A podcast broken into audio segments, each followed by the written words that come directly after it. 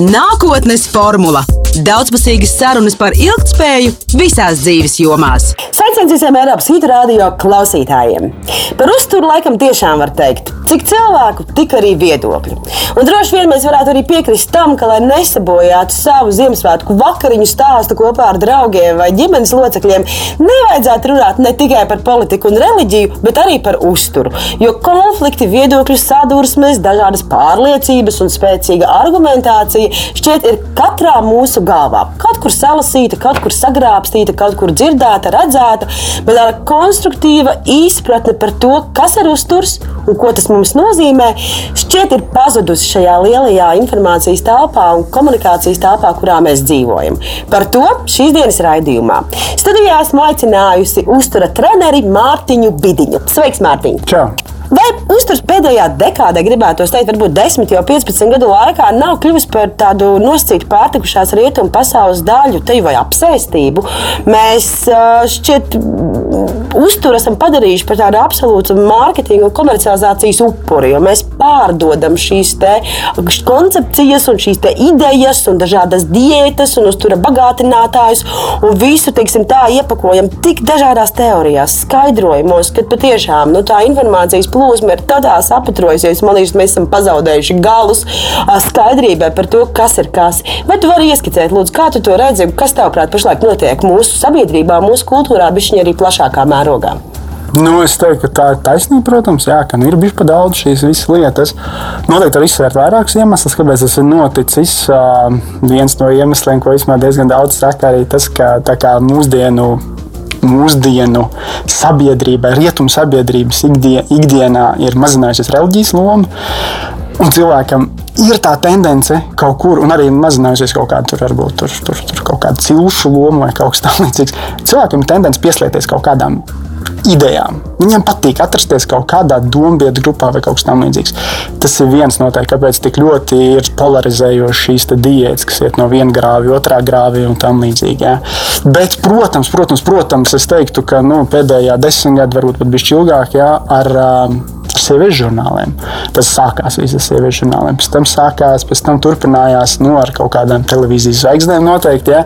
Um, tagad, protams, turpinās ar sociālajiem tīkliem, kas uzbūr protams, ne tikai sievietēm, bet sievietes vairāk no tā cieši, uzbūr šo kaut kādu ideālu ainu. Paldies Dievam, tagad ir nu, tā pašā Instagram, Facebook, kā reizē vairāk sievietes parāda savu Instagram ķermeni un parāda savu īsto ķermeni. Ja? Un, un, un, un, un, ka tas atšķirās, kas ir pauzēts, kas ir nepauzēts. Bet problēma jau tāda, ka mums tur iekšā, mums, sievietēm, vīriešiem, arī sēž iekšā kaut kāds, ka pat ja mēs zinām, ka tas ir ļoti grūti sasniedzams, nav nereāli. Ir ļoti grūti sasniedzams. Mēs joprojām uzskatām, ka tā ir norma.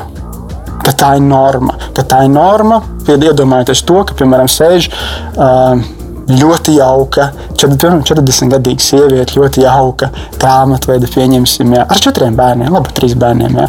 Viņa sēž ar, ar, ar savu aizņemto ikdienu, un viņa domā arī, ka viņai tā ir realitāte, kas ir uh, 22 gadīgai fitnesa trenerei. Un tā 22-gadīgā fitnesa treneris viņai pārdod to kā sapni, ka tā būs tā realitāte, ka tas ir iespējams. Un, un tas sapnis laikam eksistē. Un tas cilvēks mēģina sasniegt to sapni. Un, attiecīgi, tad, kad cilvēks mēģina šādu sapni, tad, kad viņam ir vēlme sasniegt, tad, kad viņš tic, ka tādu var sasniegt, tad viņam ļoti viegli var pārdot detoksikācijas, diētas, uzturu bagātinātājus. Viss iespējams, kas saistās šajā jomā. Visies kaut kāds superfoods, protams, jā. Nu, visu, visu var pārdot. Un cilvēks ļoti labprāt, ļoti labprāt pērk, jo viņš tic, ka kaut kas viņam tāds no ārienes palīdzēs. Kāda, tāprāt, vispār ir tā mūsu saikne ar ēdienu un ar uzturu? Tas noteikti ir kaut kas daudz dziļāks un daudz kompleksāks. Tas nav tikai vienīgi par šī fiziskā ķermeņa uzturēšanu pie dzīvības un kustināšanu riņķī apkārt. Ko tad nozīmē mums, mūsu prātam, ķermenim, šī tē, visa tēma, kas ir saistīta ar to, ko mēs ēdam? Nu, cilvēkam uzturs ir viena no baudām ēdiens. Nevis uzturs, uz, tad, kad mēs runājam, tā, nosaucam savu vārdu uzturs, tad tas mēs noliekam tādā kategorijā, ka tas ir kaut kāds priekšmets. Mm. Bet, ja mēs noliekam to vārdu kā ēdiens, tad tās jau ir sajūtas. Un mēs baigi bieži aizmirstam, ka tas ēdiens ir tās sajūtas. Konkrēts sajūta, ļoti labs sajūta. Tā ir uh, kopā pavadīts laiks, tā ir balda, tā ir ēšana un tam līdzīgi. Un tas ir tas, kas mums bišķīt sāk uh, izzust. Jā. Tad ēdiens pirmkārt ir kaut kāds labs sajūtas avots. Pēc tam ēdiens, jā, protams, ir tas, ko es parasti saku cilvēkam, aizdomājās, nu, piemēram, es tādā runāju, miršķinu acis, jā, un, un, un, un, un domāju, ka tam visam ir vajadzīgas kaut kas no iekšienes, kas, kas, kas, kas to kustina. Tad loģiski uzturs ir tā, nu, nu muļķīgi nosaukt tikai par degvielu, tāpēc, ka tā nav plika mm. degviela. Tas ir arī, nu, kas satur tās, tās viskotu un tie paši vitamīni, minerālvielas, antioksidanti, kas tad mūs uh, kustina uz priekšu, jā, un tie paši visi hormoni, visi, visi, visi ietekmējās īstenībā no uztura. Tāpēc uzturam nav nozīme tikai tādā ziņā, ka es esmu paēdis vai es varu kļūt no tā, tad tas man padara rasnāku vai tas man padara tievāku. Tik ļoti triviāli vienkārši domājot, ja uzturam krietni lielāku nozīmi. Tie ir tās sociālā nozīme. Un mums ir tā emo emocija, tā piesaista. Mums turam daudz lielāka nekā mums gribētos pat sev atzīt. Ja? Piemēram, mēs nekad nevaram īsti tikt galā ar kaut kādām bērnības, tām supergaršām, ja? kas mums vienkārši ir, nu, tas mums valkās līdzi. Ja? Un, nu, mēs nekad netiekam no viņām vaļā ar spēku mēs varam daudz ko sev piespiest, bet tas spēks arī kaut kad beidzās. Mēs viņu, jā, diemžēl, tas, tas, tas uzturam, es saku, ir krietni tāda vairāk tā emocionālā sasaiste ar cilvēku. Viņam ir krietni, krietni dziļāk viņš, viņš iedarbojās. Jā. Bet tev nešķiet, ka tieši sekojot līdzi seku tam visam stresam, ko mēs mm. esam izveidojuši ap to ēdienu, vai, vai nav tā, ka mēs tiešām esam pam, nu, sačakarējuši to pamatbaudas elementu, jo mēs vairs nespējam no ēšanas gūt prieku.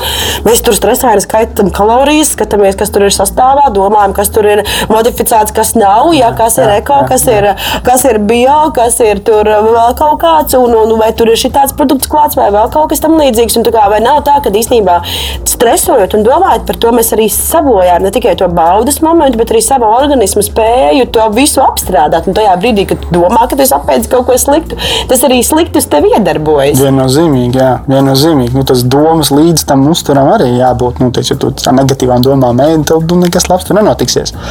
Ja stresā ēda, nekas labs nenotiksies. Nu, nevar cilvēks stresā īstenībā pāriest, ja nestrādā īstenībā gramošanas sistēma stresā. Ja, tad, tad viņi nestrādā pareizi. Un tad problēma pirmā jau ir tā, ka es teiktu, ka pirmā problēma ir tā, ka ir jāapzinās, cik ēdiens ir nozīmīgs. Tīri fizioloģiski, varbūt var teikt. Mm. Viņam ir milzīga nozīme. Viņš tā pašajūtā, kā mēs performējam, kā mēs domājam, viss viņam ir milzīga nozīme. Tad, tā kā tam ir tik milzīga nozīme, tad katram vajadzētu atbildēt sev uz, uz tādu jautājumu, cik tad, nu, kur, nu, ja mums ir kaut kāds prioritāšu saraksts, nu, kaut kāds, katram ir kaut kādas prioritātes. Ja nav, tad vajadzētu mums nodefinēt, kas tad ir dzīvē prioritātes, citādi tas sanāk tā kā blenderēties par to dzīvi. Bet, ja mēs nodefinējam sev prioritātes, vienā no prioritātēm, ja mums interesē šī pašajūta nu, un nu, nu, performance sev, ja, viena no prioritātēm jābūt uzturam. Ja uzturs ir prioritāte, mēs apzinīgi noliekam viņu kā prioritāti, tad mēs viņam pievēršamies arī kā prioritātei. Attiecīgi, mēģinam veltīt tam arī kaut kādu laiku. Un uzturam laiku veltīt vai kaut vai vienkārši jau ēdot. Tad, tad esot tajā procesā, ēdot lēnām, sakošļājot visu un sagramojot visu to uzturu. Ja. Un, protams, jā, ka nu, uzturs īstenībā tas, ko mēs uzskatām par veselīgu, man nepatīk vārds veselīgs uzturs, tāpēc, ka tam līdzi ir vienmēr salāta lapa pieskaņa ar vārītu vistu filē. Ja. Man patīk vārds normāls uzturs, tāpēc, ka patiesībā jau īpaši mēs Latvijā mēs zinām, nu, kas ir tas klasiskais, apmēram nu, tāds variants, tāds klasisks, parasts ēdiens īstenībā ir veselīgs. Viņš ir normāls tas ēdiens, nu, varbūt ar dažām niansēm. Ir jāievēro atsevišķi nianses, varbūt tur mazāk to, mazāk to, vairāk to. Bet tā ideja, ka tas arī ir normāls ēdiens, tas pats mājas ēdiens, tas pats omas ēdiens, tas pats mammas ēdiens, viņš ir normāls ēdiens, kur mēs zinājām pirms 30 gadiem, 40 un 50 gadiem zinājām, kā normāla ēdiena. Un vēl senāk, viņš joprojām ir normāls ēdiens. Tas, ka mēs mēģinām kaut ko izdomāt kaut kādas superliesās versijas, vai kaut kādas zaļās versijas, vai kaut ko.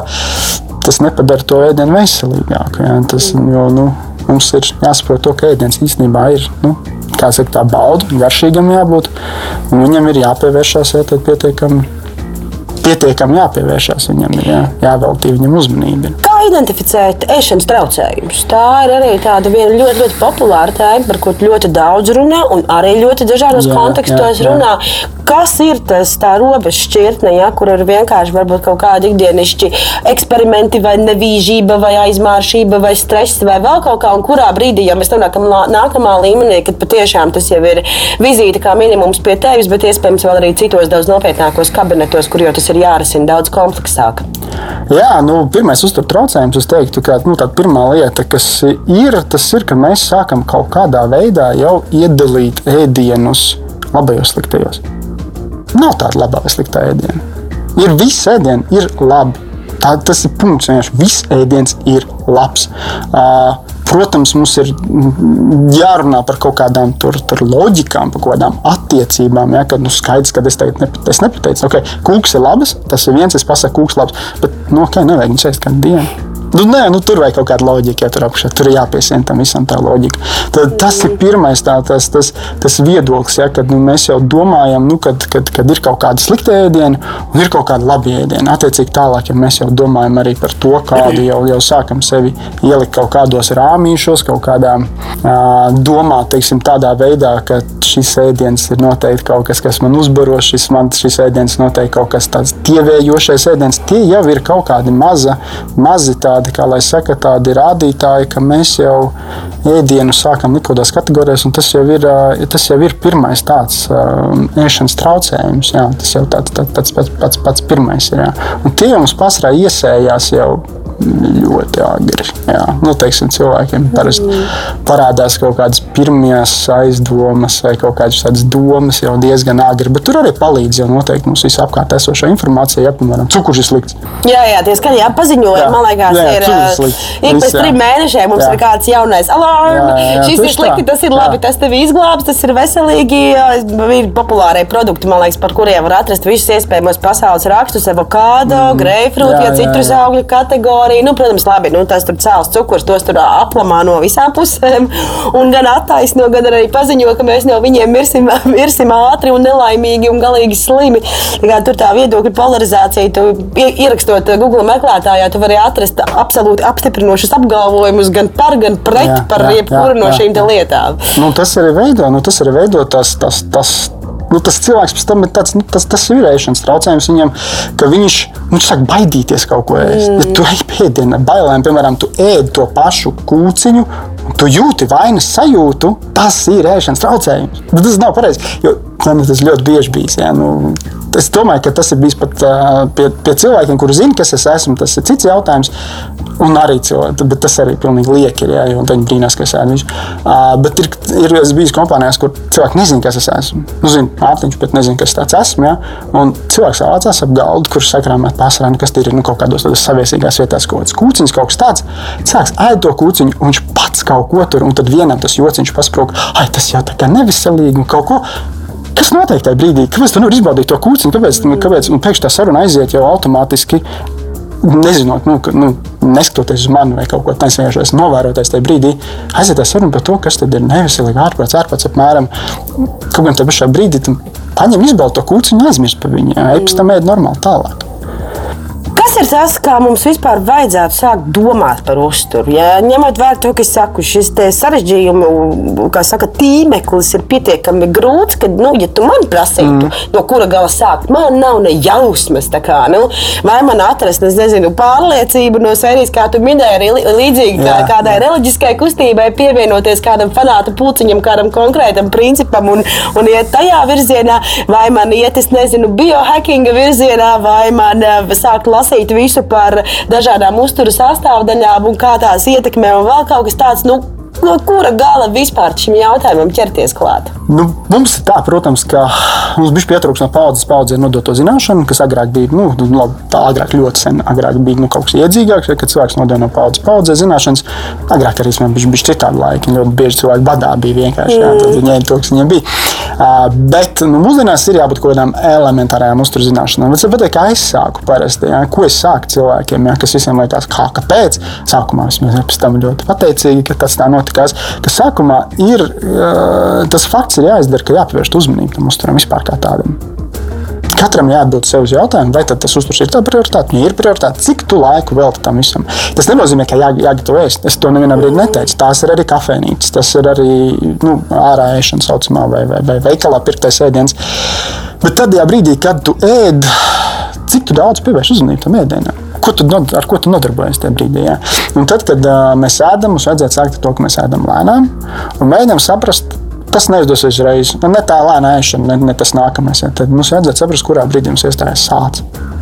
Un tad, kad mēs lēnām ēdam, mēs saprotam, jā, kurā brīdī mums sākās tas sācis. Tad mēs vienreiz pāršausim par strīpu, vienreiz atkal pa maz būs. Nu, tad paspēlēsimies to līdz mēs sapratīsim vienā brīdī, ka, ja mēs apstājamies tajā pareizajā punktā, ir baigi forši. Nav par maz, nav par daudz, ir baigi forši. Un to, to laika iemācās. Un tas nekas citreiz, protams, kas senāk arī man ikdienā ir par maz, apēsies par daudz, strūns, tas, tas, tas tā, bet galvenā tā pamat, pamat, pamat ideja. Un pēc tam mums ir jāsaprot arī savas attiecības ar izsaukumu kas ir viena no tādām svarīgām lietām, kas arī nu, ir jādomā tā, ka nu, mums liela daļa mēs domājam tā, ka tikko mēs sajūtam mazāko izsaukumu sajūtu, mums ir kaut kas jāpēd. Jā. Te, protams, ir liels paldies tur kaut kādām snikers reklāmām, vēl līdzīgām reklāmām, tur kaut kādas citas šokolādes tāpnīcas, jā, kas tā kā saka, jā, ka tikko tu esi izsalcis, tā tev ir, nu, nezinu, kā kritīs nost, jā. Nu, tā nav. Nu, mums ir ar izsaukumu jāmācās bišķīt sadzīvot un jāsaprot izsaukumu lielākā nozīme. Izsaukums nozīmē, ka tuvojās ēdienreiz, nevis, kad ir ēdienreiz. Tad tuvo tuvojās. Un izsaukums ir tas, ja tu nereaģē uz viņu tā kā sākumā, ja nevajag nu, tur badoties, es par to nerunāju. Es runāju par to, ka ja mēs, piemēram, sāksim gribēties ēst. Man ēdienreizē ir pusotra, divas stundas. Es esmu tajā ēdienreizē izsalcis, ja es neesmu uzkodas. Ja es esmu ēdienreizē izsalcis, Protams, ka padzerēs ūdeni pirms tam un tam līdzīgas lietas, ja, tad es varu ar, ar, ar lielāku baudu ēst arī vienkāršāku ēdienu. Jo kas ļoti bieži notiekās, tas, ka cilvēks saka, man negaršo tas parastais ēdiens. Un tad tu parunā ar viņu, izrādās, ka viņš tam ēdienreizēs saka, ka tās visu kaut ko interesantu, mm. garšīgu, saldu kafiju, kaut ko tam līdzīgu. Loģiski, ka to negaršo tas ēdiens. Tu jau esi bišķi paēdis. Mm. Kaut ko saldu. Jā, tu esi notrunājis, tu esi viņus jau dabūjis saldu ēdienu, kaut ko tādu. Nu, loģiski, ka tev negaršos, nu, tur, piemēram, vārīt kartupeļi ar, ar karbonātu. Viņiem ir fantastiska garša, bet, ja tu esi tiešām jau nu, notrunājis tās garšas kārpiņas, nu, diemžēl tam negaršos tik ļoti. Jā. Nu, tā būs. Jā. Un tikai tad, tad, kad mēs parunājam par šīm lietām, šis ir nenormāli svarīgs. Tas pat ir vissvarīgākais, kas ir uzturā. Tad mēs varam sākt runāt par to, kas tad ir jāēd un kas tad nav jāēd. Un šeit es varbūt nedziļināšos tik daudz, domāju, lielākā daļa aptuveni nojaušu, kas ir jāēd un kas nav jāēd. Bet es gribētu šeit pieminēt vienu tādu lielu faktoru, kas arī mm, saistās ar ēšanas traucējumiem ļoti daudz domā.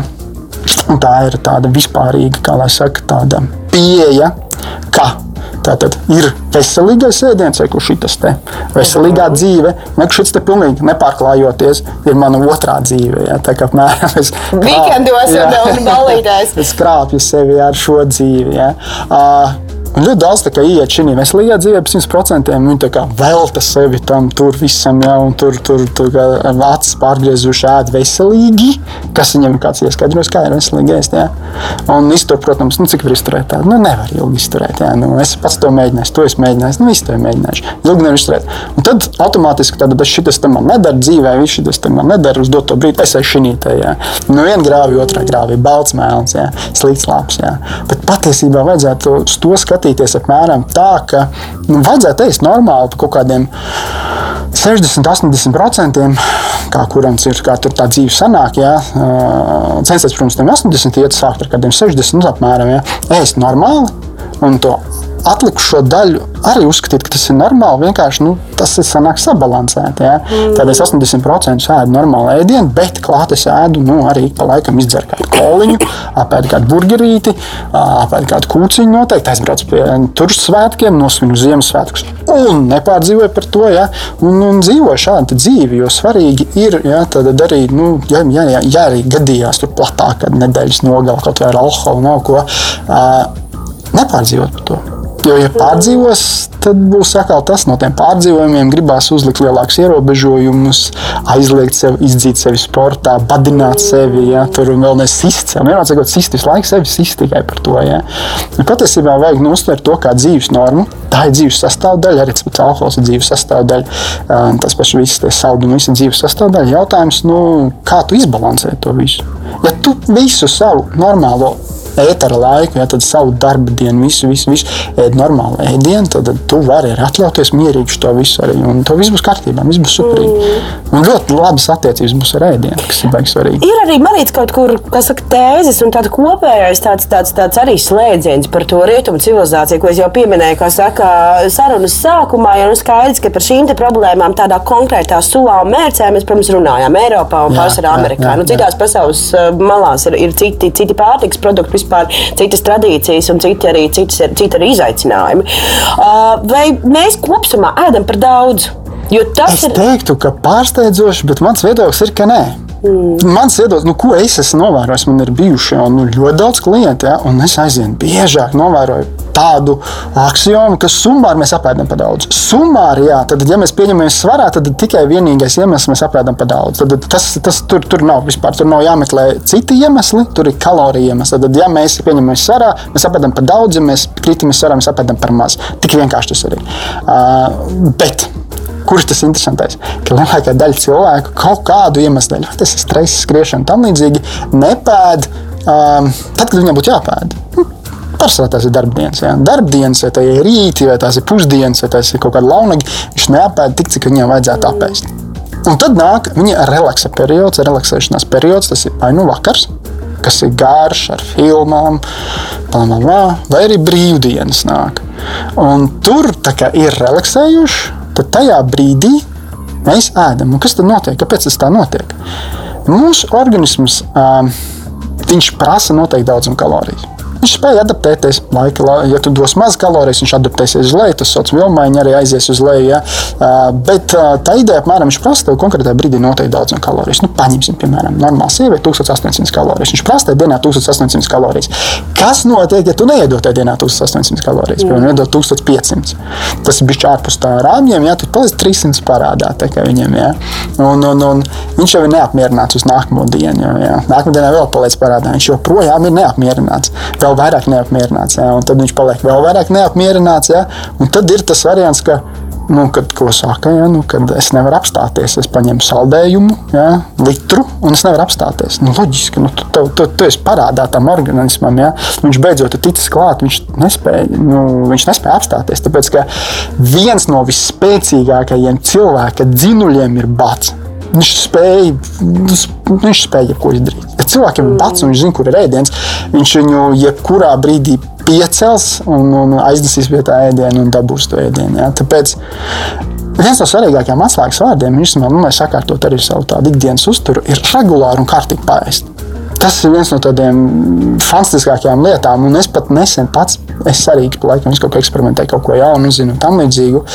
Un, un, un es, piemēram, tagad sāku tādu interesantu lietu, kas vienkārši man apgriež otrādi visu. Jā. Ja es pirms tam ēdu brokastīs, vairāk tur tādas nu, kaut kādas kaut kādas smūtijas ēdu, jā, tur, tur, tur cits ēdu pāris, protams, brokastīs kaut ko tādu. Es gan ēdu nu, to smūtijas sabalansētu.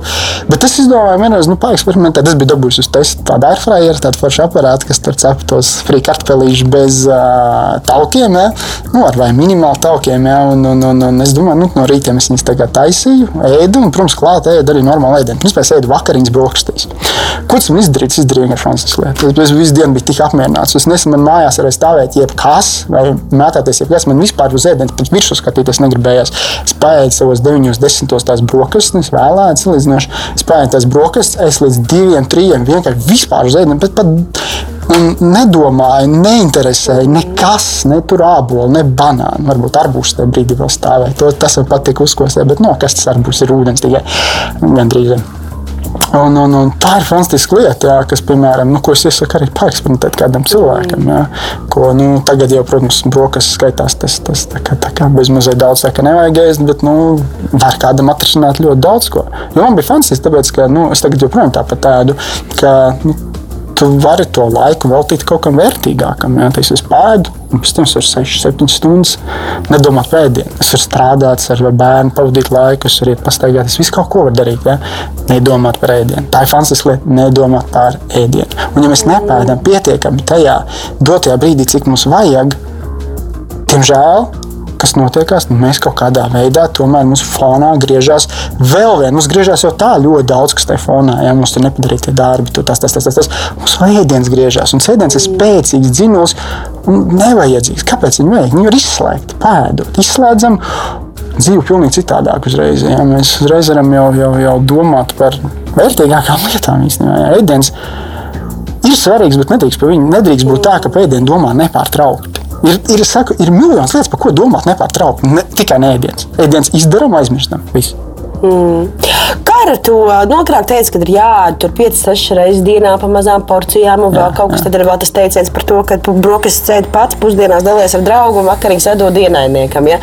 Īstās, lūdzu, kas ir tas, ko tu esi sapratis par to, cik daudz ēst, cik, cik bieži ēst, vai ir ok ēst arī vienreiz, divreiz dienā, ja, ja tev neprasās, piemēram, mm. ja, ja tas pēc tam nerada šo sajūtu jā, par to, ka jā, tu apēdi litru saldējumu mājās, mm. tikai tāpēc, ka tu nevari apstāties. Arī es saku par to, par to, jā, to regularitāti un šām šīm visām sistēmām, kur, ko, kad labāk ēst. Uh, absolūti individuāli. Mm, ir cilvēki, kas tiešām var pārtikt mierīgi ēdot pat vienreiz dienā. Es negribētu ieteikt to, tad jāpārāk mūzika, jo tā enerģija ir jāuzņem. Nu, viņi ir jāuzņem. Nu, ja tas, piemēram, vīrietis, viņam tad ēdienreizē ir jāuzņem tās pašas 2,500 kalorijas. Nu, ir jāpēd viņas. Ja? Nu, tas ir traki, tas ir milzīgs daudzums. Bet Ļoti daudziem cilvēkiem patīk, ka es esmu viens no tiem, kam īstenībā es liecos drīzāk uz divām ēdienreizēm dienā. Ir trīs, ir divas. Kāds, kā, kā diena, kā sajūta, kuras es varbūt pasportojis, kā es esmu gulējis. Baigi daudz lietas, pirms šonakt man tur bērns vienkārši iztraucēja visu miegu, cik vien varēja iztraucēt. Es pusotru stundu biju augšā no kaut kādiem pus četriem vai pieciem. Es biju augšā vienkārši. Jā, nu tāds, ne tāds, jā. Loģiski tas man kaut ko izmainīja šodien arī. Tas, tas, nu, tas ir jāsaprot. Jā. Bet ēšana sešreiz dienā radās, es nezinu no kā. Kaut kur kaut kas kaut ko izdomāja, vai tie bija, vai tas nāca no fitnesa pasaules, vai tas nāca no uh, uzturu speciālistu pasaules. Es nezinu. Jā. Bet mm. ko tas izdarīja cilvēkiem? Tas ielika cilvēkus, padarīja pēdienu vergiem. Nu, jā, tas, tas nav reāli vienkārši. Nu, tas nu. nav reāli. Tieši tā. Kāpēc mēs vispār cilvēkam gribam ieteikt kaut ko, ko viņš nevar izpildīt? Vienmēr ir jāmēģina domāt, nu, ko, ko nedomā uztur pasaulē. Nu, tas jau ir daudzās lietās īstenībā. Nu, katrs grib iedot to savu, ieskapēt to savu ideju. Ja? Bet, nu, es kā uzturu treneris, kas strādā, es mēģinu domāt par cilvēku tādā veidā, ka atvieglot viņam to ikdienu nevis apgrūtināt. Izdarīt tā, lai vieglāk ar to ēdienu, nevis vēl grūtāk. Jo kas tad ir visi vis ieteikumi uzturā, kas nāk, patiesībā tikai apgrūtina to ikdienu. Liek vēl vairāk par to domāt, vēl vairāk iedziļināties. Jātaisa obligāti mājās, jāpērk obligāti bioloģiskais, jāpērk tas, jāpērk tas, jāpērk tas, jādara tas, jādara tas, jādara tas, jāatcerās reizes dienā. Jā. Šausmas tam cilvēkam ir, ir, ir lietas, ko darīt. Agenda tā ir. Jā, apmēram visu ēdienu pakārtots. Jā, nu, ka, ka tīrēšanas traucējumā kā kārtēji. Ja. Mm. Tas cilvēks jūtās slikti, tad viņš nevar to izpildīt. Tas ir vēl trakākais. Ja tu viņam iedod tādu agendu, ja, tad, ja tu iedod viņam tādu, un viņš neizpild, viņš jau jūtās slikti, viņš jūtās kā lūzeris tajā brīdī. Nu, kā zaudētājs, atvainojos par vārdu, kā zaudētājs viņš jūtās. Ja. Un tas ir arī ļoti slikti likt cilvēkam darīt kaut ko, ja, mm. ar pārliecību arī tie paši, nu, tas pats influencerus stils. Ja? Nu, viņi parāda, cik labi, cik tas ir viegli un tam līdzīgi. Ja? Un cilvēkam jau nav tas tik viegli, jo viņam pašam tam influencerim nav tik viegli. Viņš vienkārši piespiežas, viņš pelna to naudu. Cilvēks mēģina darīt to līdzi, vienalga, vai tas ir fitness, vai tas ir Nesanā. dzīvesveids, vai tas ir tie skaistie bērni. Tas viss ir tās tīrās, baltās. Un tad cilvēkam nesanāk tas, ja? un viņš jau jūtās kā zaudētājs tajā brīdī. Un tas tas ir tad, nu, nu, tas iet uz tam cilvēkam. Mm. Ja viņš sajūtās kaut kur, ka viņš nav pilnvērtīgs. Vai, vai kaut kas tamlīdzīgs, ja cilvēkam liek tā justies kaut kādā mirklī, tas, tas tā, tam nav nekādu pozitīvu seku. Tam nav nekāda pozitīva, vispār nulle. Mm. Liekas, jā, jā, tur, tur kaut ko tad ir atkal sākās saņemies, tev tas ir jāvar. Šīs visas lietas sākās. Tas cilvēks jau nevar. Viņam jau nu, viņam uzliek tik lielu to slodzi ar šīm visām lietām, ka viņš jau nevar. Saka, lūdzu, kas ir tas, kas ir saistīts nu, ar ko vīrieši varbūt atšķirās no sievietēm šajā gadījumā? Jo man jāatzīst, domājot par izturbu, mm. vienmēr bijusi tāda sajūta par to, ka nevar šo universālās formulas kaut kādā veidā pielāgot, un ka ir kaut kādas lietas, kur mēs atšķiramies. Nu, nu, skolā mācīt par tiem, laikam, kā viņas pareizi sauc par cietiem taukiem un mīkstajiem taukiem. Ja tad sievietēm bija vairāk tie, kas ir tie mīkstie, kas ātri parādās un ātri pazūd, un vīriešiem tur tie cietie, kas lēni parādās, bet ilgi paliek, kurus grūtāk dabūt nost. Neatceros pareizo terminoloģiju, vēl kaut kā tam līdzīga, bet kā, nu, reflektējot par to, cik daudz un cik minimāli vispār mums skolas laikā ar šiem jautājumiem iepazīstināja, man ir tāda sajūta, ka, jā, zinot arī sievietes kaut kādas hormonālos ciklus mm -hmm. un beigu galā mm -hmm. visas bērnu jautājumus un viss pārējais, jā. Un pēc tam, kā saka, mēnešu reižu sākšanās, un pēc tam menopauze un viss pārējais. Tie visi ir tādi milzīgi hormonāli izlaicieni, kuri ļoti bieži jaunas meitenes ļoti pieņemās svarā. Ja? Sievietes gados ļoti jā, pieņemās jā, svarā, kas ir visas jā, hormonālās pārmaiņas un viss pārējais. Un, man liekas, nu, sievietes tas ķermenis un svars ir tik nenormāli pakārtos tiem hormonālajiem cikliem, ka nu, grūti saprast, ka dažkārt šķiet, ka tu sievietei vienkārši nav iespējas izvairīties no tā, lai kādreiz dzīvē nepaliktu rasta. Jo, nu, tur ir vairāk checkpointi, kas var jā, notikt, jā, lai tur jā. tie hormoni sastātos tā, ka beigās te patiešām paskatoties uz kūciņu, jau psiholoģiski pieņemsies pa 500 gramiem. Jā, jā, jā, vēl pasmaržojot, jau viss būs slikti. Izstāst, lūdzu, kā tur ir ar tām, ar tām dzimumu lietām un, un kā, teiksim, kur veidojas šīs atšķirības un attiecības arī ar ēdienu. Jā, vīrieši var darīt visu vienkāršāk. Vīrieši var sev diezgan daudz mocīt, un, un, un, un badoties, un visādas tur lietas darīt. Jā, tur tur, tur tā ir sliktāk ēst, ja godīgi. Jā. Nu, vīrieši pacieš vairāk. Arī tikai daļa tiem hormoniem. Jā sievietēm, kas ir sievietēm, tad, nu, ko mēs ņemam? Jā, kamēr, nu, tad, tad, kad sievietei sākās uh, mēneša reizes, jā, tā, uh, ir cikls sievietēm. Jā. Nu, Pirmkārt, jādomā, ka būtu jāēd uh, pēc cikla. Jo kā, nu, ir līdz ovulācijai ir tā zemo hormonu fāze, mm -hmm. pēc ovulācijas ir augsto hormonu fāze. Zemo hormonu fāzē, kas mums notiek? Zemo hormonu fāzē mums ir krietni mierīgāk uzvedās organisms, izsalkums krietni mierīgāk uzvedās, nu, tad šī apetīte krietni mierīgāk, prognozējumāk un tam līdzīgi. Tajā, tajā fāzē patiesībā, ja mēs paņemam atkal to pašu variantu, ko es jau nosaucu 1800 kalorijas dienā, jā, nu, tas ir tīrs pieņēmums, jo kalorijas nevar izskaidrot precīzi vienam cilvēkam. Jums kāds, kāds jums rēķina kalorijas vai skaita kalorijas, tas ir diezgan liels muļķības. Jā, to nevar izskaidrot cilvēkam. Jā, nav tik precīzu iekārtu un pat nerunājot visādi šie gadžetiņi, pūkstentiņi, gredzentiņi, kas man ar skaita kalorijas nespēja precīzi saskaitīt. Bet runājot par šo 1800 teiksim, līniju, līniju. Ja? Tā ir tāda vidējā līnija mēnesim. Ja? Bet tad, tad, tad pirmajā fāzē līdz ovulācijām varbūt tad, tad vajag īstenībā 1600 kalorijas. Tā tad mazāk nekā parasti. Tad tas lēnām aug uz 1800. Mm -hmm. Un pēc tam īsi pirms uh, menstruācijām pieaugusi trakāk, uzkāpa līdz kādam 2000, 2000 varbūt vēl vairāk uzkāpa kalorijām. Tā ir iekšējā vajadzība pēc kalorijām, un jāsaprot pareizi, tas organisms spēj iztērēt tās kalorijas. Ja mēs sekojam visu laiku vienam un tam pašam, Mm. Nu, teiksim, ēdam pēc kaut kāda uzturā plāna, kas mums sastādīts, vai nu, tur ilgi cilvēks nevar to. Bet ēdam pēc, ejam ēst, apmēram ēdam no rīta vienu to pašu, vakarā vienu to pašu, pusdienās vienu to pašu. Kas notiekās tajā pirmajā mēneša fāzē, mēs pārādāmies. To droši vien daudz ir just, kad nevar apēst tik daudz, negribas, ir mierīgāk.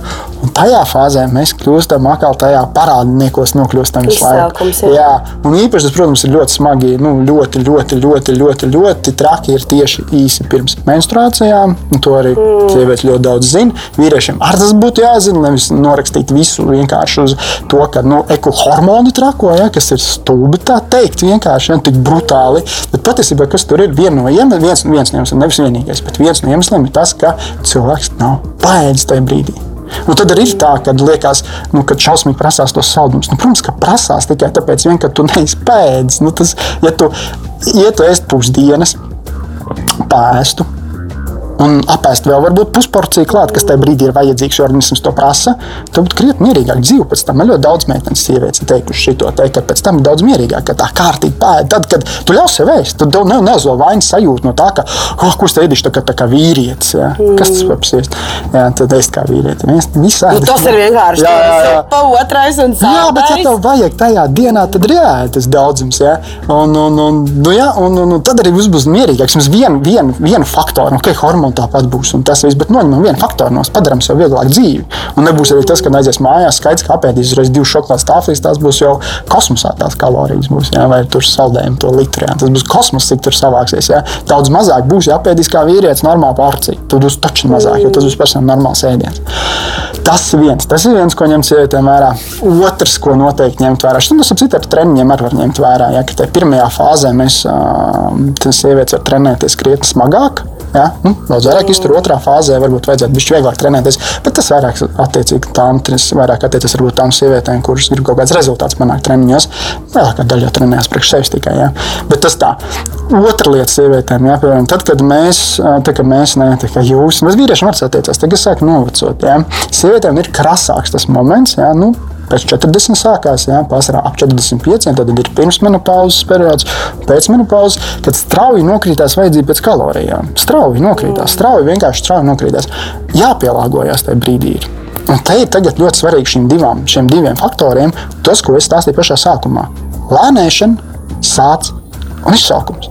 Ja mēs klausāmies šajās šajās lietās, tad mēs arī sajūtam to, ka pēc tam 45 mums pat patiesībā bija mazāk gribas ēst. Varbūt mums paliek no trīs ēdienreizēm divi pusi ēdienreizes, kas ir ok. Un tam pašām arī pašām, nu, cikli ietekmē. Tas pats arī mēs sajūtam, ka es tagad paņemu savu standarta porciju, bet nevaru apēst, es viņu arī atstāju. Jā, tu, tur man vajag papildus paņemt. Tas arī ir tas, kāpēc es teicu, ka tas ir tik svarīgi, jā, sekot līdz šīm lietām. Nu, protams, vēl Protams, ka ir vēl nianses, ja? piemēram, ja? nu, tas, tas es noteikti negribu tik, tik iedziļināties, mm. ja? bet piemēram, sievietēm, sievietēm īpaši tad, kad sieviete ir stāvoklī baro ar bērnu un tad stāvoklī baro ar bērnu. Un tieši šī pēcmenopauzes periodā jā, sievietēm vajag īstenībā vairāk olbaltumvielas nekā standartā. Ja? Tas ir viens no faktiem. Ja? Piemēram, sievietēm labāk sievietes vai es atvainojos. Jāpiero, jāpiero, jā, jā, jāpiero, drošības mērķi sievietes, sievietēm vairāk patīk dzīvot, patīk kokšķidrāti vairāk nekā vīriešiem. Ir vajadzīgi vairāk, teiksim, tā. Tad sievietēm šīs modernās kaut kādas keto diētas sliktāk iedarbosies krietni uz hormonālo nekā vīriešiem. Vīrieši var šādas diētas daudz vieglāk sagramot, ja sievietēm tas sliktāk sagramojās. Šis te visas badošanās un šīs lietas, vīrieši to var darīt krietni vieglāk, viņiem hormonālais līmenis pilnīgi cilvēks. Sievietēm tas var, tas izraisa diezgan briesmīgas sekas, ja, šīs visas badošanās un visas lietas. Jā, ok, svaru var zaudēt, jā, bet nu, pēc tam, kas nu, notiek hormonāli. Nu, ir nu, badošanās, tur jau ir tas, man liekas, tā, tas pārpratums ar to badošanos. Badošanās jau nav domāta svara zaudēšanai. Jā, jā, tieši tā. Absolūti domāta tikai un vienīgi detoksikācijai. Nu, tur ir domāts, jā, tur, tur ir tās idejas, ka viņas tur ir domātas, jā, bet ar sievietēm pasā šīs idejas nepierādās. Es, tāpēc, ka tie pētījumi darīt ar, taisīt ar vīriešiem. Kas ir viena ļoti interesanta lieta, ka ļoti liela daļa pētījumu pasaulē, vai tie būtu medicīnā vai uzturā vai sportā, tiek veikta ar vīriešiem. Tikai tāpēc, ka sievietēm ir šīs hormonālās svārstības un ļoti grūti dabūt iedzīgs rezultāts, ka viņai svārstās šīs hormoni. Tas būtu, piemēram, tāds nianses. Ja kaut kāda nianses, piemēram, sievietes krietni sliktāk pārstrādā fruktozi nekā vīrieši. Vīrieši fruktozi pārstrādā enerģijā krietni lielāku procentu. Piemēram, 66, kas vīriešiem bija kaut kā ap 66% pārstrādā fruktozi enerģijā. Sievietes tikai 26, kaut kas tāds apmēram. Tas nozīmē, ka sievietēm vēl vairāk jāuzmanās no šiem fruktozi saturošiem saldinātājiem. Tad, nu, tas, kas ir pārstrādāts, tagad visur klāt, īstenībā ir augsts frukts, visādi sīrupi, mm. viss, kur ir ļoti daudz fruktozes. Tas, tas neatiecās uz augļiem vispār necik. Bet tas attiecās tieši uz tādiem sīrupiem, augsts fruktozes, ir tāds augsts fruktozes, tas, tas, tas, tas, tas, tas sīrups, un kas tik vēl nevisādi tagad modernie saldinātāji. Cukurs pat īstenībā ir jēdzīgāks nekā visādas. Pat, pat es teiktu, ka nu, tāds agavs sīrups ir vēl sliktāks nekā fruktoze, nekā cukurs īpaši sievietēm. Hmm. Interesanti lieta. Nu, tas, tāds, tas ir niansīts, bet tas niansīts jau nu, mēs kā, varbūt tik, tik dziļi varam neiet. Bet ir tāds, nu, ka sievietēm ir daudz lietas, un viņas nevar klausīties tik bieži tajā tajā tajā masu informācijā, bet tā masa informācija ir paredzēta vīriešiem. Un tikai tagad uh, es mācos tādā vienā interesantā vietā, kas ir vienīgā vieta pasaulē, kur vispār māca par sievietēm, par sieviešu uzturu, sieviešu treniņiem. Fantastiski. Un plus vēl ir vairākas tādas zinātnieces, kas savu dzīvi ir veltījušas, teiksim, uzturzinātnieces, kas savu dzīvi ir veltījušas tieši pētot sieviešu šīs lietas. Un tas, aizvien, tas kaut kāds pēdējos, es teiktu, īstenībā tikai trīs gadus tāds paliek aizvien skaļāk un skaļāk. Ja? Es, piemēram, nākamo nedēļu taisu savā savos sociālajos tīklos, kā sieviešu veselības nedēļa. Tikai šī iemesla dēļ, lai nu, man tas ir pie maniem, kad mācoties, es jau to, to jau dodu informāciju, ja? bet ir, lai publiskāk pastāstītu arī tās, tās, tās, tās visas lietas, kas ir sievietēm jāņem vērā, varbūt vairāk. Ar ko viņas atšķirās? Jo, jo tur viens no tādiem, vienai tādai zinātniecei ir foršs sauklis. Viņa iet ar to saukli, viņa tā kā viņas varētu mm. nošpikot. Ja? Viņai tas sauklis ir sievietes, nav maz vīriešu. Mm. Tā, tā mēs pilnībā piekrītam. Vēl dažas nianses, ko es gribēju, kā saka, padiskutēt ar tevi. Jā. Jā. Pirmkārt, nu, tātad silts ēdiens vai augsts ēdiens. It kā saka, ka mums vajag to siltu ēdienu, tā pašā laikā ir dažādas arī pārliecības, un beigās galā tie paši salāti un svaigādāji un visi pārējie, kas savukārt saka, ka nē, ka mēs varam ēst arī termiski minimāli mm -hmm. apstrādāt ēdienu. Beigās galā tas nozīmē, ka tas ir pārsvarā vēsts vai pat pilnīgi augsts mm ēdiens. Ja tāpat tās arī ūdeni dzert augstu vai siltu. Jā, jā, jā. Uh, vēl ir no ajurvēdas tāda populāra lieta, par ko nu, arī gaisā virmo daudz, daudz ne, īstenībā maz cilvēku to dara, bet visi, kad to izdara, vienmēr atsaucās, ka viņi to zina. Proti, ēst desertu kā pirmo. Tātad sākt ar saldumiem un pēc tam turpināt ar, ar tālākām kaut kādām lietām. Un trešais šis kompleksais jautājums ir par, par šo ideju kompleksās pusdienas. Mm. Zupa, otrais saldais. Mm. Man ir kaut kāda pilnīgi absolūta intuitīva pārliecība par to, ka tas nestrādā. nu, ka tas tā, ka tā, ka tur ir jā, pārāk jā, liels jā. mikslis un ka mēs uzliekam kaut kādu absolūti haotisku kaut kombināciju ar kaut kādiem produktiem un galā nu, tur tiešām ir, ir, ir, ir, ir putra, ar kuru ir grūti tikt galā. Uh, vai tu vari pakomentēt šīs kaut kādas, kaut kādas nianses, tu katrā ziņā, nu, kaut kādā manā burbulī, kurā mm -hmm. es dzīvoju, mēs katrs dzīvojam katra savā burbulī, jā. bet šīs ir tās tēmas, par kurām ir, ir runāts ar draugiem un ir bijuši draugi, kas kaut ko ir mēģinājuši mēģinājuši, komentējuši vai izteikušies par šo. Mm -hmm. Tad pirmais jautājums bija par? Uh, pirmais jautājums bija par silto. Jā, jā siltā, siltā uh, Tādas lielas atšķirības nebūs. Bet, ja mēs nu, teiksim, tā, tieši par siltu un augstu, Beigās atšķirība nebūs. Vienīgais tas, ka tam kuģim jāuzsilda būs tas augstais ēdiens. Tad, tad tur vairāk asins atcēs iekšā, nu, vairāk sājas asins pie tā kuģa. Tas var izraisīt ko? Tas izraisīt nogurumu. Tīri tā, ka no asins aiziet uz kuģi, bet tas varbūt tas.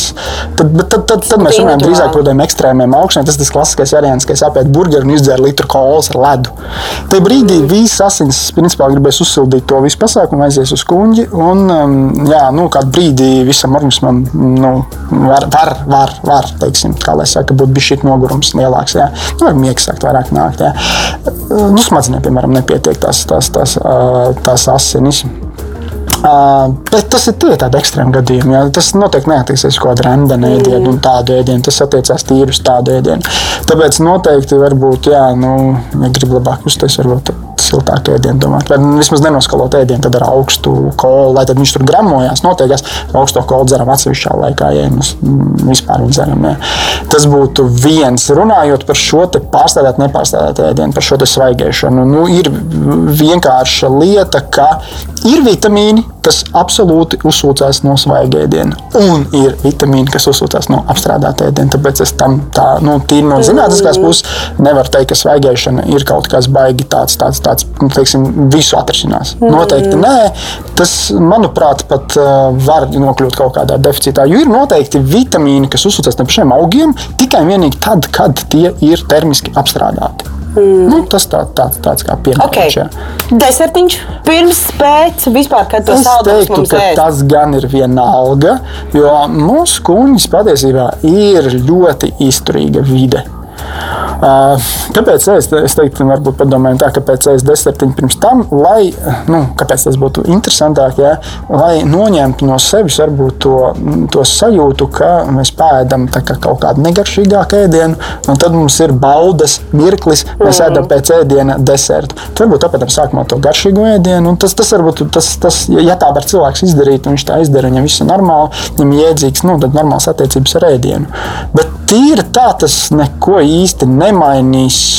Vienīgais, nu, kādam var tas likt, noteikti, kādai daļai cilvēku noteikti likt apēst mazāk iedzīgu ēdienu. Nu, vai arī negaršos tas ēdiens. Jo tu dabūsi to saldo garšu, beigo mutē, un pēc tam, kā jums runāja pašā sākumā, nu, būs grūtāk apēst to, to, to, to, jā, to tas kārtībās, pēc tam vairs negaršos tā. Jā, bet runājot par to, jā, ka tas ēdienu mikslis ir, jā, ar to ēdienu miksli ir tā, kā es, es teiktu tā. Jā. Es teiktu par to ēdienu miksli, kā, nu, ļoti daudz saka, tur tas ar to kopā ir smagi, tas ir tā, tas ir tā, kuģis tiek ar visu galā. Bet jautājums, vai mēs palīdzam tam kuģim? Tas nozīmē, kā ko es jau pieminēju sākumā, lēnā ēšana. Mm. Ja mēs visu sakošļājam kārtīgi, rīktīgi un līdz galam, tad arī šis klasiskais pieņēmums, ka kartupeļi ar gaļu ir smagi, nav. Ne, ja kādam ir arī pēc kārtīgas sakošļāšanas, ok, tas ir individuāls īpatnības. Mēs runājam par masvē, mas, masām. Ja, ja cilvēks kārtīgi saka, gaļa, tāpēc ir piemēram vai tas pats kartupēlis vai ko mēs saucam pašu salātu. Tāpēc, viņi ir īstenībā diezgan vērtīgs, nu, diezgan vērtīgs ēdiens, ka viņi liek mums lēnām, mierīgi un ilgi sakošļāt. Viņi, ja.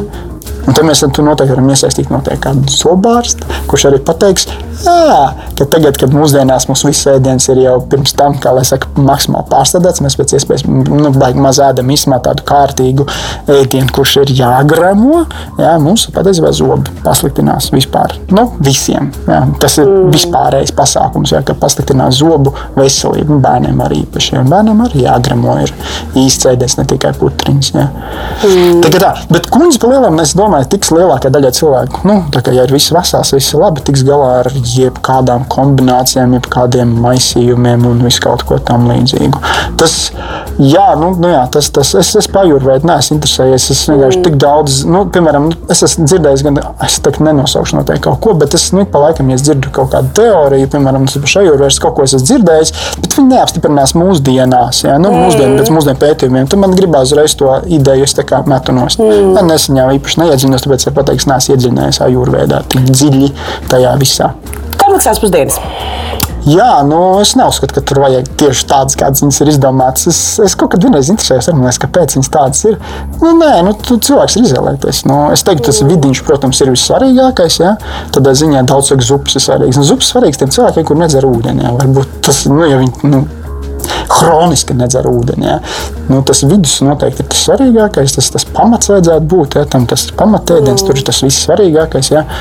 Vai vajag desertu tieši tādā formātā, vai mūsdienu formātā, es nezinu. Es, es, izvēl, es vienmēr izvēlos desertu, desertu vietā augļus. Ja pavērosim, tā izvēlās arī tie paši, uh, nu, piemēram, nu, ko mēs nosaucam nosauksim kaut vai tos pašus itāļus. Ja. Nu, liekas, jā, viņi tur ēd deserts. Nu, nevēl viņi nē, tik daudz deserts. Viņiem vienmēr augļi ir tajā desertā. Ja. Viņiem deserts ir, nav katrā ēdienreizē deserts parastam cilvēkam. Ja. Tas liekas, tas, ka mēs aizbraucam turistiņā, tad mums liekas, ka mums dod to. Ja. Nu, tas ir turistiņa variants. Ja. Bet normāls cilvēks ēd tos augļus. Ja. Es ar tāpat tā, uzskatu, nu, ka man arī patīk apēst pēc tam, pēc, ēd, pēc ēšanas. Es to neuzskatu, ka ēdienreizē man patīk apēst kādu augļu. Vai tas ir tagad ābols, tas ir kādreiz, nu, agrāk bija arbūs, jā, arbūs, melons, ābols. Jebkas kaut kāds interesants, vienkārši auga lapēs, kas ir arī kā. Mm. Es viņu uzskatu par kaut ko īpašu. Nē. Es uzskatu, to, ka nu, tā ir forši pabeigt ar augli, ir savu ēdienreizi. Ja? Bet, uh, bet nu, tādu kaut kādu iedalījumu, ka tur jāņem obligāti tas tur. Lielākajai daļai tas iedalījums radās bērnībā. Mm. Tā ēda, tā iemācīja ēst. Nu, tā skolā servē kompleksās pusdienas. Tagad tas pārgājis malki uz biznesa pusdienām. jā, un, nu, nu, tagad tas tāds notiekās. Nu, es nezinu, vai tas ir vajadzīgs. Ja kāda, nu, Trušiņ jau, ka lielākajai daļai netraucēs. Vienīgais, kas to saldo domātu, jo pa saldēs kā tāds nav slikts. Cukurs kā tāds nav slikts. Uh, problēma mūsdienu saldējiem, visiem šiem visādiem saldumiem un saldējiem ir tas, ka cukurs mūsdienās ir vislētākā izēviela. Viņš tiek vienkārši piebāzts. Un tas saldējs ir pārvēršās par nu, jeb, jebkura veida saldējums ir kaut kāda veida vīrusu pārvēršās. Ja? Nu, viņš ir nēdams. Godīgi, nu, es, es, ēdu, es ēdu saldu. Nu, man patīk salds. Bet mm. tas, kas ir veikalos un tam līdzīgi, viņš ir, nu, viņš ir, viņš ir nu, acis sprāgstā ārā, cik salds, ka tu biji atradinies no tā cukura. Mm. Nu, patīk salds. Nu, kā var netikt salds? Es tagad netēlotu, nemēģināšu tēlot kaut kādu eņģeli, ka es nēdu neko tādu ar alkohols lietoju. Bet, nu, samērīgi. Bet, uh, Bet es ēdu to cukuru, es, es, es māku izbaudīt to garšu. Piemēram, tagad arī nu, ja nopērts. Nezinu, veikalā tiramisu saldo. saldo ja. Viņš tur ēd tiramisu, kam būtu jāgaršo pēc tiramisu. Tu saproti, tu ēd tu cukuru. Tu ēd cukuru, mm. tagad cukuru brūnu, kaut ko brūns ar baltu un cukurs. Tu nejūti vispār to īsto, tu jāizjūt, tur tev būtu jāsajūtās visas nianses, viss tas, mm. tas pazūd cukurā tās nianses. Jā, ka cukurs tāda brutāla garša. Jā, mēs, mēs tā nav bauda. Tas vienkārši ir tāds, tāds sitiens pa smadzenēm, dabūt cukurē, bet nav tās baudas tajā ēdienā. Tāpēc es saku, paņemam jebkuru recepti. Un pieliekam trīsreiz mazāk cukuru. Un laistām to cukuru medu, ja iespējams, jā, vispār ideāli. Trīsreiz mazāk pieliekam to cukuru. Un redzēsim, ka mums pēkšņi izceļās, pēkšņi, ja tur ir zemenes, jutīs zemenes cauri, ja tur ir uh, biskvīts, jutīs caur biskvītam, tā kā klasiskam lauku biskvītam, tu jūti olu cauri, ja, tu jūti to, to, kas tur vēl ir klāt. Jā, tādu jūti to garšu cauri, īsto, īsto garšu, kas ir tā pamatā tā ēdiena. Ja. Jo tas cukurs ir vienkārši lēts, lēts blieziens uz smadzenēm. Ūdens. Cik ūdens. daudz, kā mums tas ūdens pareizi ir jāpatērē un kā to saskaitīt? Vai mūsu apēstais apelsīns un zupa un, un, un izdzertā tēja skaitās, vai tomēr ir jāskaita tā saucamais tīrais ūdens, mm. un tas, tas netīrais ūdens, kas ir tas šķidrums, kas ir visos citos pārtikas produktos, ko mēs patērējam un dzērienos, mm. tas tā kā neskaitās. Jārēķina ir. Eh, es ieteiktu, beigti nerēķināt. Es ieteiktu nodibināt tagad ar to, kad ir tā lēnā ēšana, izsa, eh, izsalkums un sāds. Turpat tam ir jā, jā, vienmēr ar izsalkumu kopā vajadzētu iet ūdenim. Un tad, kad sāk biežāk padzerties ūdeni, tad, kad bišķi gribās ēst, tad sāk saprast, ka tur bišķi ir atšķirības starp slāpēm un izsalkumu. Organisms pasignalizēs, ka viņiem ir tās slāpes. Ja? Uh, bet tā mēs varam dalīt tādā ziņā par ūdeni, kad skaitās viss šķidrums. Tikai jautājums, ja tagad ir, nu, ir cilvēki dažādi. Ir cilvēki, kas ēd ļoti, kā saka, slapjas diētas. Nu, tad mm. daudz tur ir daudz augļu dārzeņu. Zupas un tā līdzīgi. Un viens cilvēks ēd vienkārši absolūti pilnīgi savu ēdienu laiku. Tur ir pārsvarā eksistē graudaugi, baltmaizes, gaļas, un kas ir pilnīgi savs ēdiens. Mm. Nu, tad tam cilvēkam vajadzēs vairāk ūdens nekā tam cilvēkam. Jāstāsta uz to, viņam vajadzētu arī just, ka viņam vajadzētu vairāk ūdeni. Nu, sajust, sajust. Ja?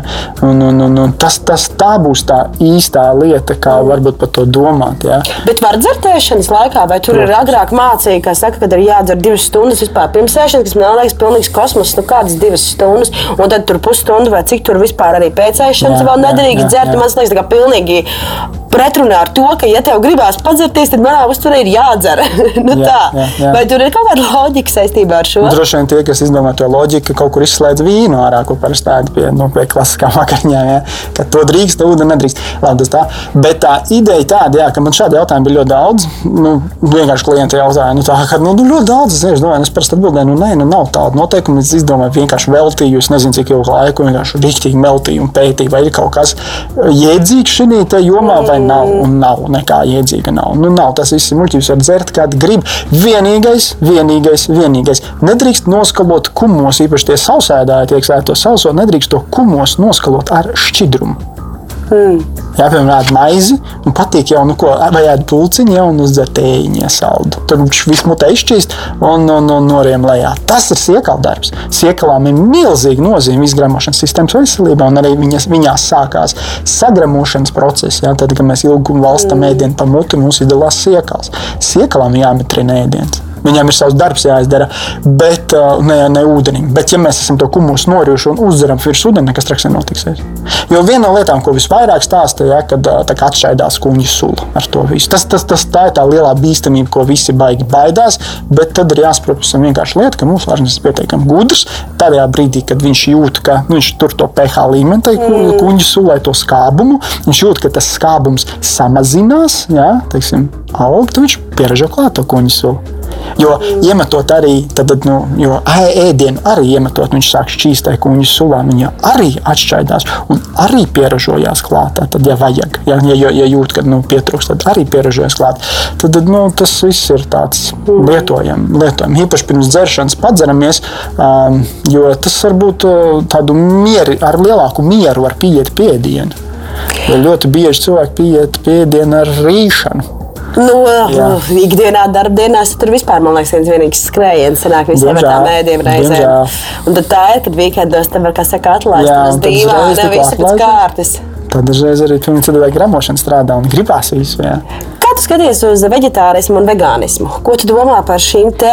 Nu, tās jau gan ir tādas jau reliģiskas pārliecības, ja mēs tā simboliski varam teikt, ja, kas jau ir tāda, nu, un, un tas ir tāds arī tāds komplekss jautājums, tāpēc, ka, nu, ja par vegānismu mēs jau varam diskutēt, tad vegetārismu katrā ziņā būtu, būtu, būtu kaut kas, vismaz kaut kādā mērā mums visiem vajadzētu kļūt nedaudz vairāk par vegetāriešiem, dēļ tā, ka vienkārši ekoloģiskās pēdas nospiedums, ko mēs uh, atstājam šajā pasaulē ar tādu ekstensīvu gaļas patēriņu, ēdot viņa brokastīs, pusdienās un vakariņās gluži neatbilst ne tam, kas īstenībā nāk par labu mūsu ķermenim, nedz arī tas, tā, tā, to, to, to, kādu planētu mēs pēc tā mm. atstājam. Lūdzu, pasaki savu viedokli, ko tu domā par šīm Par vegetārismu es domāju, tur nav īpaši ko strīdēties. Vegetārismu viss ir kārtībā. Es uzskatu, ka visiem cilvēkiem ir jābūt, nu tā pēc, pēc manas idejas, jā, visiem cilvēkiem ir jābūt. Ir, Vispār visam uzturam ir jābūt bāzētam uz augu uzturu, bet ar dzīvnieku valsts obaltumu piedevu.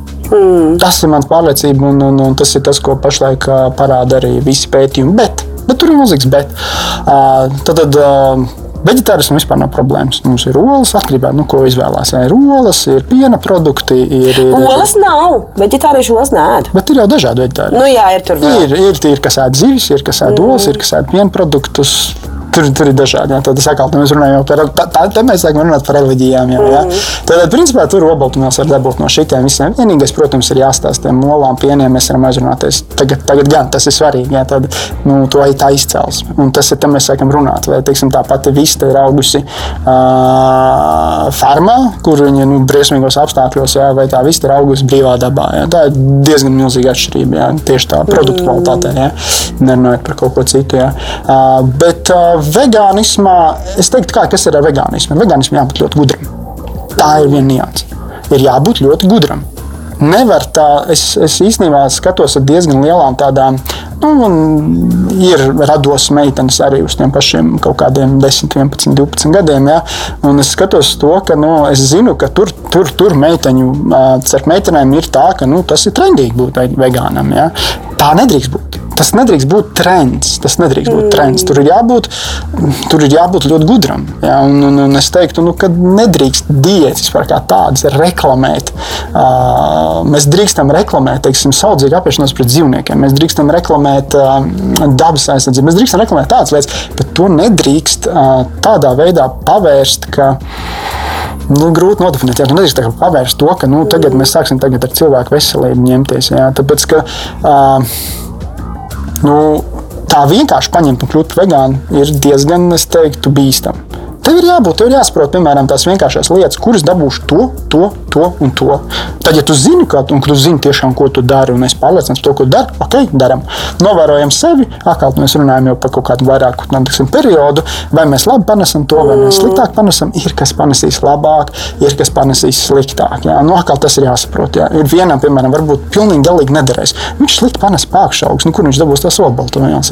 Nu, pie, nu, tas ir tīri tāds, tīri tikko iedomājis tādu piemēru. Jā viņam nu, teiksim, būs slikti. Jā. Bet mēs pavērojam, ka vienkārši tādu es esmu šodien.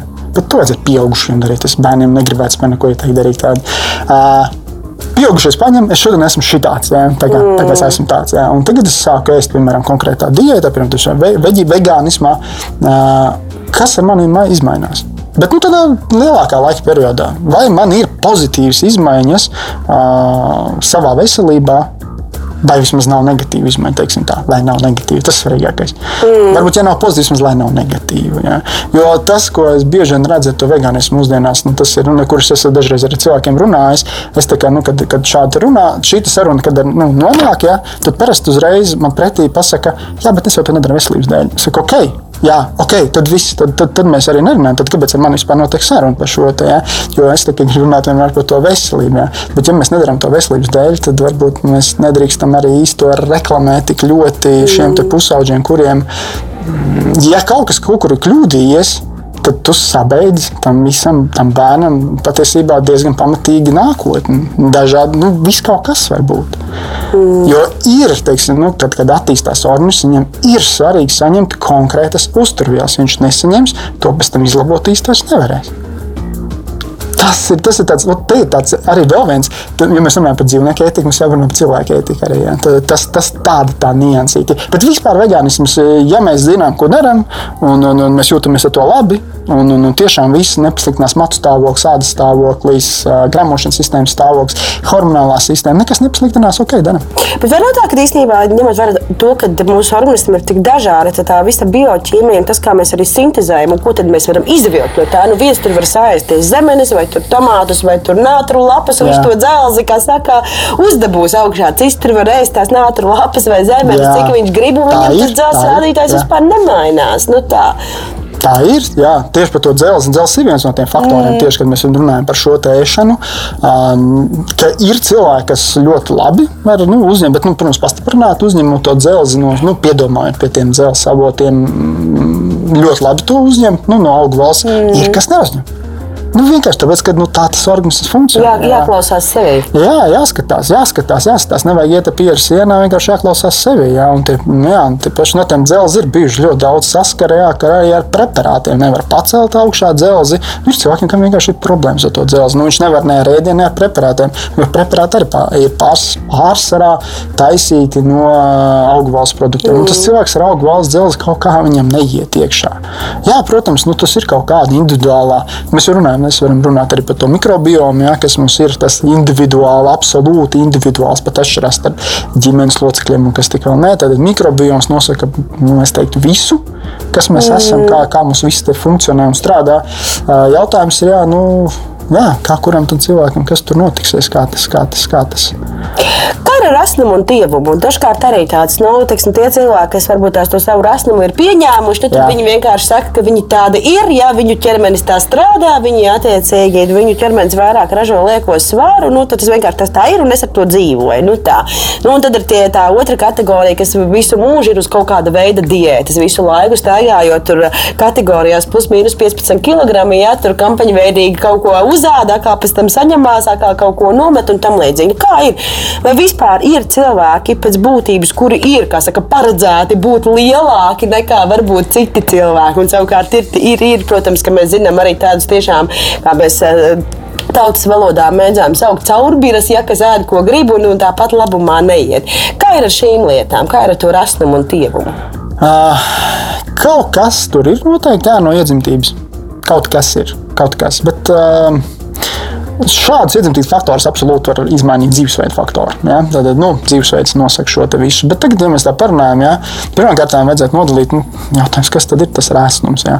Jo bieži vien tas, tas, tas resnums ir varbūt ir neliels liekais svars, kas ir visu mūžu vienāds. Tas nozīmē, ka cilvēks jau nepieņemās svarā, viss viņam ir kārtībā, mm. viņš ir status, nu, tādā, viņš ir savā līmenī, viņam viss ir kārtībā. Ja? Uh, turklāt, kas ļoti interesanti, ļoti interesanti ir tas, ka patiesībā sievietes. Um, lai būtu pilnīgi vesels, hormonāli un tam līdzīgi, viņām vajag būt nelielam liekam svaram.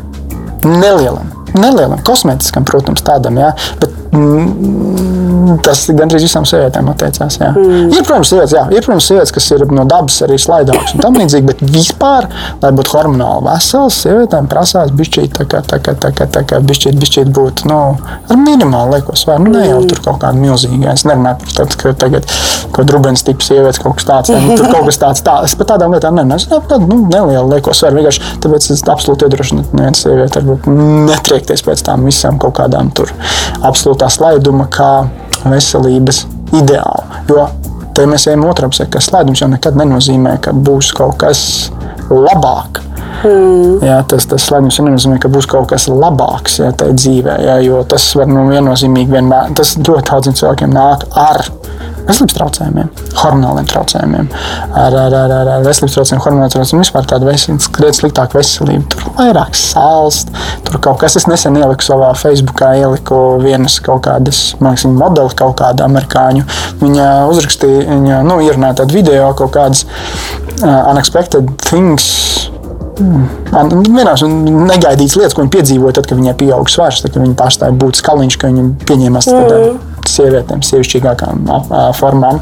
Viņai bija vienkārši ļoti interesants lietas. Jā, tur, tur, tur, tur, jā, ko tur, piemēram, tur, nu, apmetos mazāk auga, kas ir hormonāli. Jā, nu, nu, pieņemoties bišķīts vairāk. Bet par cik ilgi vajag runāt? Ja 2, 3, 5, cik ir tas bišķiņš, kas ir ok?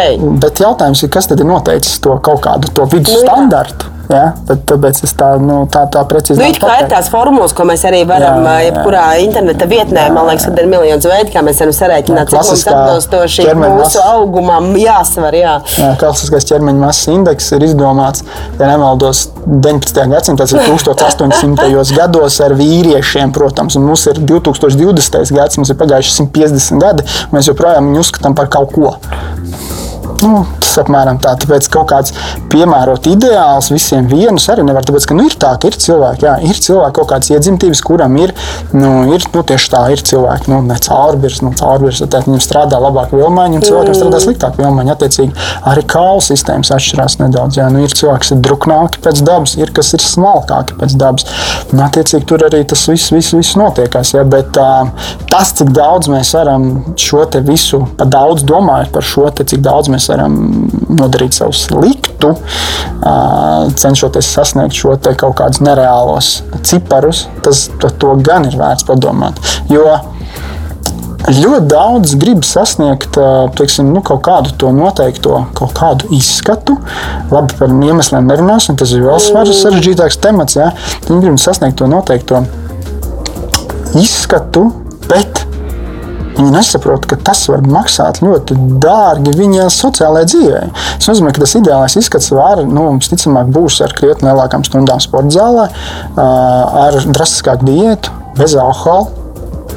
Trešdienas vakars ar draugiem kukām čau, čau, nebūs vairs nekad. Es neesmu vairs jūsu. Mans teiksim, tās draudzenes, kas ir bijušas visu dzīvi, tas ir super, super lieta. Jā. Un, attiecīgi, šīs lietas izslēdzot visu ārā, tad jautājums ir. Uh, kur tas cilvēks piepildīs tās savas, tās, tās, tās arī tās vajadzības, kas ir nu, teiksim, kaut kādas no vienkāršas dzīves. Ir tās vajadzības ar kaut kādām baudām, ja, tu tāpat vajadzības satikties ar citiem cilvēkiem, pavadīt viņiem laiku kopā, nedomāt par ēšanu. Tā ir tā, kā psihoterapijā saka, tās, tā sava, sava kausiņa piepildīšana, ja, cik mēs varam piepildīt to savu kausiņu. Nepazaudēt prieku vienkārši. Nepazaudēt prieku dzīvot. Jā, dzīvot, bet tā ir. Nu, ir ļoti daudz cilvēku, paties, patiesībā nu, viņi sasniegs, tad nu, ir tās iedomu, iedomu tas tievums ka tagad viss notiks, mani visi mīlēs, es būšu veiksmīgāks, laimīgāks, tam līdzīgi sasniegšu to tievu, un nekas nav, nekas jau no šī tā nenotiek. Jo tas pats cilvēks jau nav mainījies. Ja? Ne jau no tā, ka tīvs vai resns cilvēks ir uh, sliktāks vai labāks tas ir sociālos tīklos tā notiek, kur, kur vērtē cilvēks tikai pēc viena rakursa. Ja? Mm. Tad, apmēram, vajadzētu, nu, tas rakurs beidzās, vajadzētu sasniegt to paturpinājumu, kā tas cilvēks iziet no tās pozas, ja? kas tad notiekās, kā viņš izstāsta tad. Viņš varbūt mm. pagriežās pēkšņi, ah, viņš vairs nav tāds. Ja? Viņam gaita varbūt nav tāda, viņam varbūt garstāvoklis nav tāds, nemaz viņam varbūt viņš ir slikts cilvēks vispār. Ja? Tas, ka viņš smaids sociālos tīklos, neko nenozīmē. Neslēdzot mūsu sarunu, kur meklēt informāciju, ar ko sākt? Ja mūs tagad klausās, kāds, kuram uzturs ir, ir, ir, ir saka, tēma, kas ir gaisā, kas ir aktuāla, vai varbūt gribās kaut kam saņemties un varbūt uzlabot kaut kādu savu dzīves kvalitāti. Un beigu galā arī mums taču ir mūsu Covid, diemžēl, ēnā, kas mums liek domāt par to, ka ir jākopja arī savs ķermenis, lai viņš ir izturīgāks un lai viņš ir gatavāks cīnīties un dzīvot pasaulē, kur mums uzbruk dažādi ļauni vīrusi. Saki, ar ko sākt un, un ko darīt, lai, lai uzlabotu īstenībā kopumā savu dzīves kvalitāti caur ēdienu, caur uzturu prizmu. Mm. Es paņemtu vienkārši baltu lapu un, un uzrakstītu sākumā tās kādas savas elementārās prioritātes, kas tad mums ir. Pēc tam no tām prioritātēm izējot, mēs vienkārši mēģinām dabūt sev savā dzīvē tā, paskatīties, vai tas uzturs ir mūsu prioritāte Ja nav, tad mēs pat nesākam neko darīt. Nu, nav vajadzības. Nu, spēku neko neizdarīs. Te ir jābūt vēlmei un jābūt kaut kādai prioritātei pret uzturu. Ja cilvēkam nav tā prioritāte, viņš neko nedarīs. Nu, viņš nevar piespiest. Ja? Nevar mamma atnākt un pateikt, dari, vai tur otrā pusē pateikt, dari. Ne, notiks tā. Uh, tas ir viens. Otrs, tad, jā, tā mums ir prioritāte. Tad, vai es varu sev atrast dienā, nu, tad, attiecīgo laiku, tad, cik man ēdienreizes vajag, vai es varu atrast katru ēdienreizē sev pusstundu. Es varu atrast, vai nevaru atrast. Es varu bez tā telefona, bez datora, televizora, bez grāmatas vienkārši sēdēt un ēst. Kad brīvi skatīties vienkārši ēst un skatīties sienā brutāli. Mm. Būt ar sevi, kas ir ļoti nekomfortabli, protams, mūsdienu cilvēkam būt ar sevi. Jā, vai es to varu izdarīt? Jā. Ja es to nevaru izdarīt, tad es uzrakstu tās lapas, piemēram, tās pašas, tad es dabūšu to prioritāti. Ja man ir prioritāte, ja es varu, vai es varu dabūt to pusstundu sev dienā. Ja es varu dabūt, tad viss kārtībā, ja es atbrīvoju to laiku, un es viņā arī pieņemu to laiku. Ja es nevaru dabūt, tad kas ir tās lietas, kas man aizņemtu manu ēteru ikdienas? Kas tas ir? Nu, kas, kas reāli tas ir. Un, un, un tad varbūt realitāte, nu, bija jāapstāsta, kā es saku, bišķi no tādas plānošanas un realitātes puses jāapstāsta, vai tas vispār ir izdarāms. Ja? Nu, tad, vai arī kas manā dzīvē varbūt sākumā, pirms es metos iekšā tajā uzturā un gribu sakārtot, varbūt man ir sākumā no kaut kā jāatsakās, vai arī ne pat, es pat neteiktu, negribas nevienmēr teikt atteikties, bet varbūt es varu kaut ko sastruktūrizēt, deleģēt, pajautāt palīdzību citiem cilvēkiem mm. un tam līdzīgi. Ja? Ko es ļoti bieži saku tieši jaunajām māmiņām, kas saka, nav laika nekam. Es saku, deleģēt, jautāt palīdzību vispār, palīgu, palīgu komandai. Mm. Tad vai es varu teiksim, šito te kaut kur izbrīvot šādu laiku, vienkārši kļūt efektīvākam. Ja? Kļūt efektīvākam. Varbūt arī kaut kādā, protams, kaut kādā pārskata periodā, varbūt atteikties, varbūt no nu, tik daudz telefonu skrolēšanas izslēgt, ko es izdarīju, piemēram, izslēdzu visu man zvani. Uh, vispār neparādās, ka man kāds zvana, man neparādās neviens Facebook, Instagram, nekāds paziņojums. Tas, tas, tas pēkšņi mans telefons palika tik neinteresants manā dzīvē. Viņš vispār neviens, viņš stāv kā klucīts tur, ka brīdī jāapstājas. Ah, okay. Viss, viss. Pirms tam bija ah, Instagram paziņojums, bet es zinu, kas tur ir tajā paziņojumā. Kāpēc es varu vaļā skatos, bet es zinu, jau tur rakstīts, kas tur ir, bet tu tā kā atver skaties. Jā. Nu, es tu, tu mēģini tikt no šīm lietām vaļā. Jā. Nu, tad, tad, tad, tad, tad, tad es teiktu, jā, nu, kad vajadzētu noteikti pafokusēties uz to, ka mēs paspēlējam, mēģinām patiešām piedomāt par tādām lietām, kas ir tas izsaukums, un ka mēs varam sagaidīt ēdienreizē nelielu izsaukumu. Mums tiešām nenokritīs tā kāja vai roka vai kaut kas deguns, ka mēs reāli varam sagaidīt ēdienreizē izsaukumu. Mēs varam uh, ēst lēnām, mēs mācāmies ēst lēnām līdz sātam. Tas ir redzams, cik daudz pēc tam, nu, pēc tam, kad mēs runājam par šādām lietām, cik daudz īstenībā vēl kāds tam visam cauri, cik tas ir svarīgi, ka mēs izdarām šīs mazās niansītes, un tikai pēc tam mēs varam noteikti kaut ko domāt par ēdienu tādu.